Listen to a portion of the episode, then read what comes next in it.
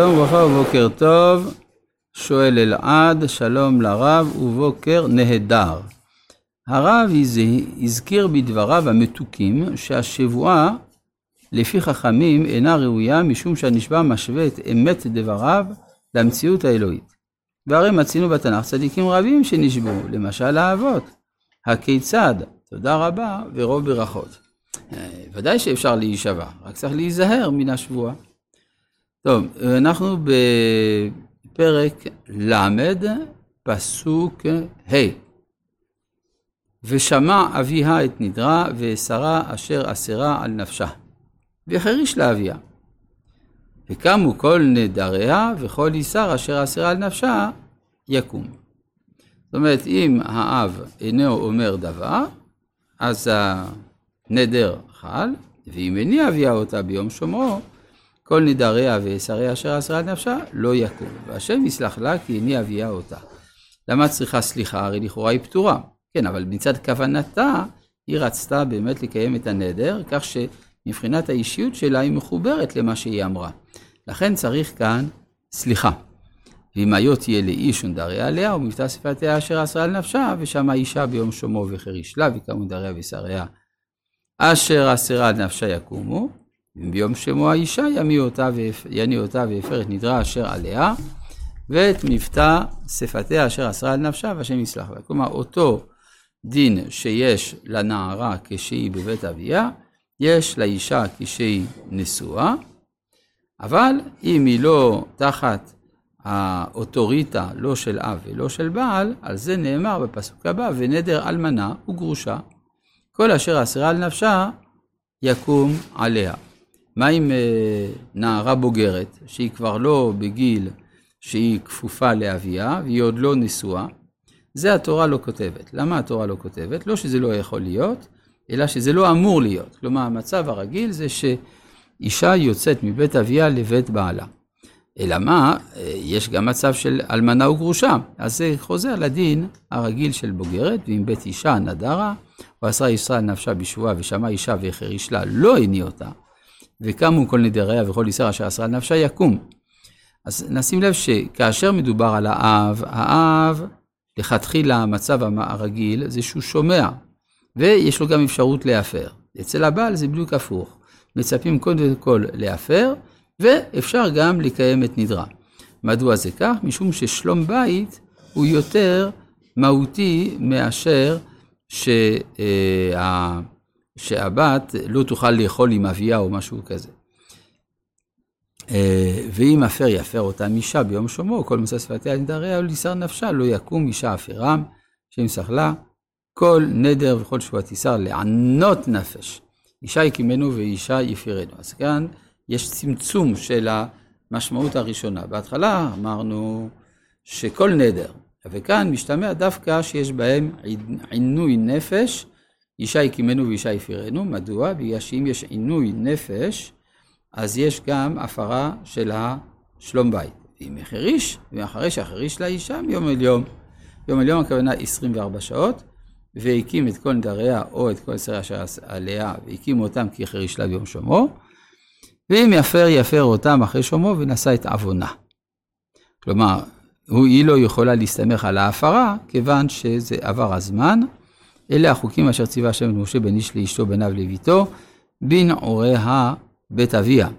עכשיו, אה, כל הדברים האלה שייכים לדיבור, כפי שציינו, כיוון שאנחנו עומדים עכשיו בפני תיאור המלחמה הראשונה על ארץ ישראל, ובכלל הלכות רבות שקשורות אה, לסדר של הנחלות בארץ ישראל, אז יש צורך קודם כל בתיאור ההלכות הקשורות לפה. למה? משום שהפה הוא המוציא אל הפועל את האדם, וארץ ישראל היא המוציאה אל הפועל את עם ישראל. אז אם יש קדושה בפה, יש גם קדושה בארץ ישראל. על זה היה הרב צבי קוק מאיר הערה חשובה, שלקראת שובה של האומה לארץ ישראל, שלח הקדוש ברוך הוא בשליחות מיוחדת את החפץ חיים, לכתוב את ההלכות של לשון הרע, שלא פותחו או כמעט ולא הוזכרו, או לא הוזכרו בכלל, בספר השולחן ערוך, משום שבזמן הגלות כנראה קשה לשמור על טהרת הדיבור, בעוד שבארץ ישראל זה, זה המקום שבו יש לדיבור משמעות, ולכן גם הנזק שיש מדיבור מקולקל גדול יותר, ולכן יש גם קדושת הדיבור, ולכן אה, צריך מאוד להיזהר בהלכות לשון הרע בארץ ישראל במיוחד. ואז אנחנו מכאן עוברים למלחמות. כן, כלומר, אחרי שאנחנו מדברים על קדושת הדיבור, אז חוזרים למלחמות, אחרי כל ההפסקה הארוכה שבתחילת פרשת פנחס נאמר, לקד... אה, נאמר למשה מפי הקדוש ברוך הוא לנקום את נקמת בני ישראל מת המדיינים, ופתאום יש הפסקה גדולה, מונים את האומה, מונים את האומה, מונים גם ה... מביאים את ההלכות של קדושת הזמנים, קורבנות המוספים, ואז חוזרים לעניין. זאת למה? משום שעל מנת לממש את המלחמה על, אה, על, על נקמת הזנות שאיזנו המדיינים את בני ישראל, היה צריך קודם כל לבסס את הקדושה של עם ישראל עצמו, וזה על ידי מניין המשפחות, על ידי הקורבנות ועל ידי קדושת הנדרים. ואז חוזרים ל"וידבר השם אל משה לאמור, נקום". נקמת בני ישראל מת המדיינים, אחר תיאסף אל עמך. אז יש פה כמה דברים אה, שצריך לשים לב. קודם כל, המושג של נקמה.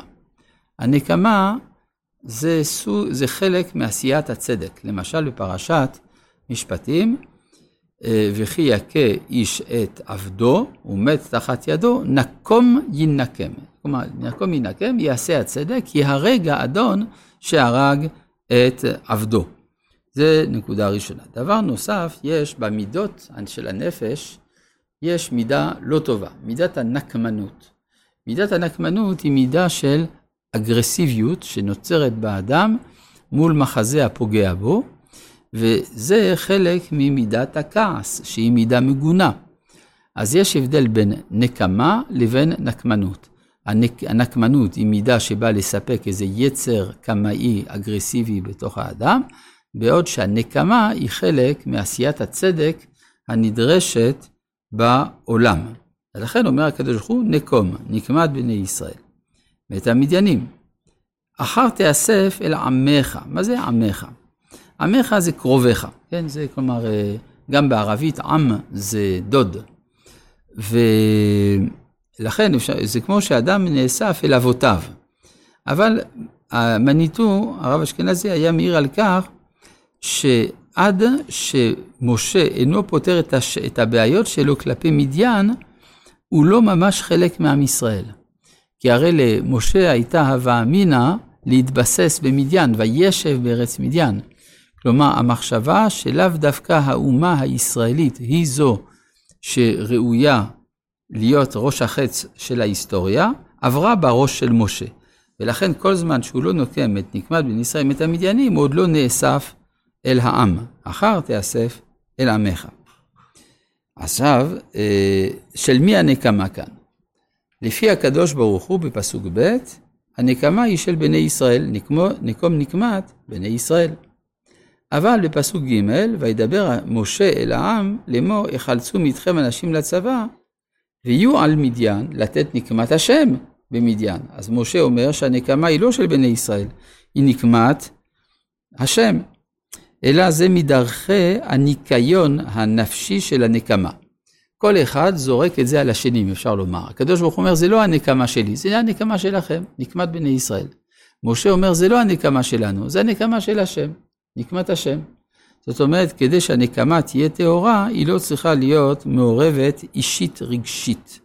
ולכן צריך כאן גיוס מיוחד של אנשים מאיתכם לצבא, לתת נקמת השם במדיין. אלף למטה, אלף למטה. לכל מטות ישראל תשלחו לצבא. התוצאה היא, וימסרו מאלפי ישראל אלף למטה, שנים עשר אלף חלוצי צבא. אז יש אה, שאלה בחז"ל, מה פירוש, למה פעמיים כתוב אלף למטה? אז יש אומרים, אה, לרבות את שבט לוי, שגם שבט לוי שלח, למרות שזה לא כתוב, ויש מי אומר להוציא את שבט לוי, ששבט לוי לא יוציא, שבדרך כלל שבט לוי כן יוצא. וכאן הוא לא היה צריך לצאת רבי